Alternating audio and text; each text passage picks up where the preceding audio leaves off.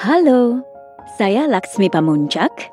Selamat datang di podcast Kitab Kawin yang membahas tema-tema seputar cinta dan perkawinan dari perspektif perempuan tentang perempuan untuk perempuan. Dalam podcast yang terilhami kumpulan cerita saya ini, kita akan mendengarkan pengalaman dan pergolakan yang hanya bisa dirasakan dan dialami oleh perempuan. Dan mereka, para perempuan ini, ada di tengah-tengah kita. Kisah-kisah tentang cinta, perkawinan, dan problema perempuan bersama Laksmi Pamuncak.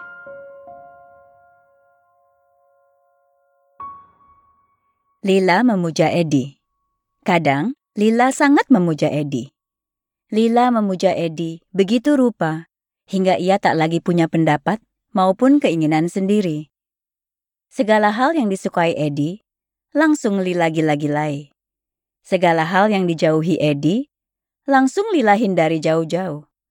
Segala hal yang dianut Edi, langsung Lila hayati seolah hidup tergantung padanya. Segala hal yang diangankan Edi, segera Lila dambakan, seolah selama hidupnya, ia tak pernah punya angan-angan sendiri. Sudah jelas Lila lupa pada buku kenangan yang ia edar-edarkan di kelas ketika Lila masih kelas 1 SD. Buku kenangan yang mencatat ragam impian manusia, mulai dari pria idaman hingga hewan kesayangan, dari makanan favorit hingga cita-cita kalau sudah besar nanti. Lila memuja Edi hingga Lila tak lagi Lila. Lila adalah Edi yang hidup dalam tubuh Lila dan tak pernah diizinkan pergi. Lila yakin bahwa meski Edi tidak memujanya seperti Lila memuja Edi, Edi menyukainya. Sangat menyukainya. Meski Lila juga tahu, Lila bukan satu-satunya perempuan yang Edi sukai. Lila tahu Edi menyukainya melebihi perempuan-perempuan lain.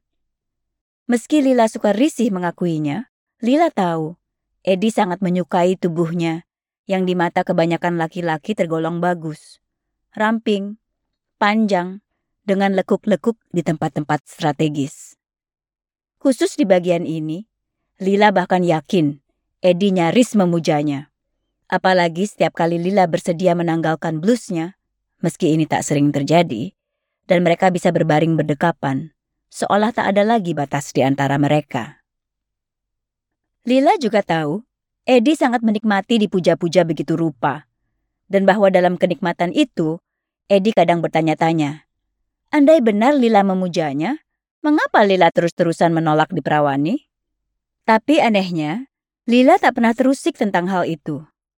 Tentu saja, Lila tahu, tak ada laki-laki seumur Edi, 26 tahun, mereka terpaut 7 tahun, yang tahan tidak berhubungan seks begitu lama.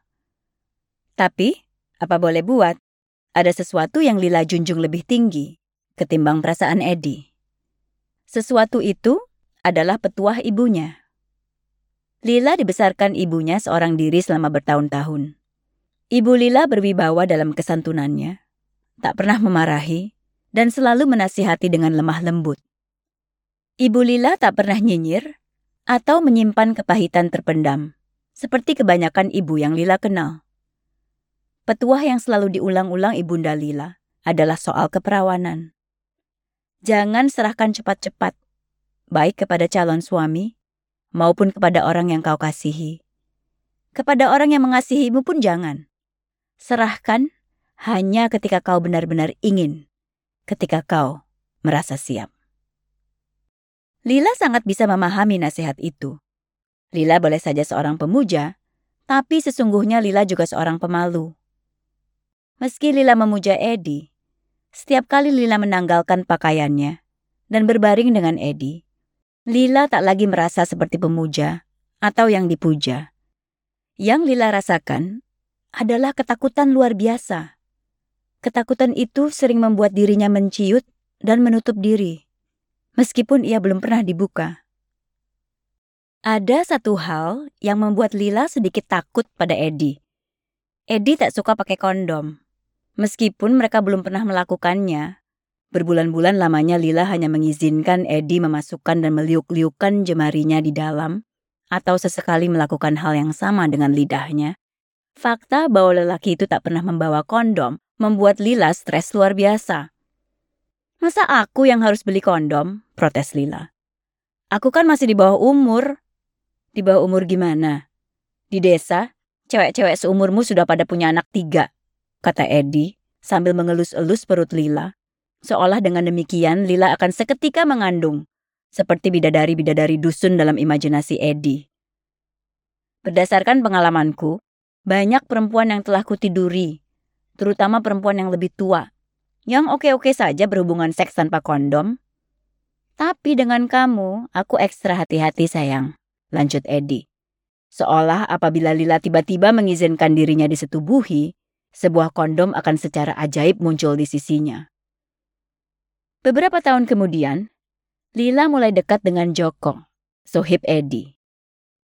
Joko mengaku ia pernah menasihati Edi bahwa orang yang memuja juga lebih cepat sakit hati. Jangan sampai dia menyerahkan dirinya lalu kamu tinggalkan. Nanti dia akan menuduhmu macam-macam. Zaman sekarang, tak ada ampun bagi pemerkosa. Tapi Edi adalah Edi, yang tetap bersikukuh bahwa walaupun setiap perempuan, termasuk Lila sekalipun, punya batasnya masing-masing, ia tak pernah gagal mendobraknya. Sementara Lila tetap Lila. Meski Lila memuja Edi mati-matian, Lila bukan perempuan yang cepat menyerah. Aku tetap aja gak merasa nyaman, kata Lila ketika Eddie melambai-lambaikan sepaket kondom rasa stroberi di depan hidungnya. Seolah detail tersebut akan membuat Lila seketika berubah pikiran. Seperti orang yang sedang memilih rasa es krim. Bukannya ini solusi win-win, kata Eddie sambil nyengir. Seperti biasa, Lila dan Eddie sedang berbaring setengah bugil di kamar kos Eddie ketika semua teman kos-kosan Eddie sedang pergi. Bukan itu persoalannya, kata Lila lagi. Ini soal Oke oke tukas Edi. Buru-buru melempar paket kondom jauh-jauh. Tuh, lihat. Perkara selesai. Meski Edi tak menunjukkan tanda-tanda merajuk dan malah mulai menciumi lehernya, Lila sempat merasa tenggorokannya tercekat. Jelas agaknya bahwa Edi ngalah karena cuma nggak mau ribet aja.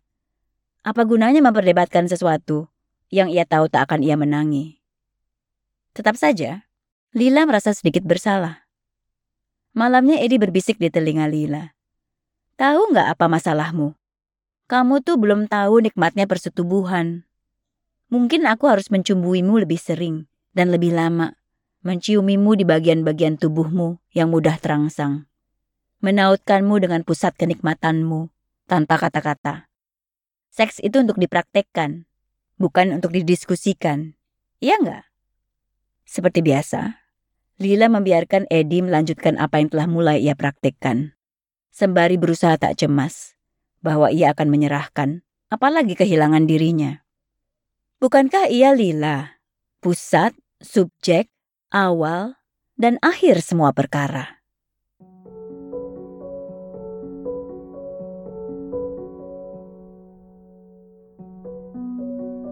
Yang baru saja Anda dengarkan adalah cuplikan dari cerpen ketujuh dalam buku kitab kawin karya saya, Laksmi Pamuncak, berjudul Sang Pemuja. Cerpen ini mengusung topik cinta tanpa pamrih, memuja, atau membebaskan. Cerpen ini berkisah tentang seorang perempuan bernama Lila dan transformasi atau evolusinya dari seorang pemuja menjadi seorang yang bukan pemuja. Awalnya, Lila memuja Edi mati-matian, seolah ia tak punya kemauan maupun kesukaannya sendiri. Dan untuk sekian lama, begitulah dinamika hubungan mereka, jomplang. Tapi, ketika Lila mulai bekerja dan menemukan dirinya sendiri, dinamika hubungan mereka perlahan berubah. Sampai Edilah yang balik memuja Lila mati-matian. Sementara Lila yang baru ini, Lila yang independen, Lila yang kokoh dalam identitasnya, semakin nyaman dalam kesendiriannya, dan yang lebih penting lagi, dalam dirinya. Setelah ini, saya akan bercerita sedikit tentang proses di balik penulisan cerpen Sang Pemuja ini.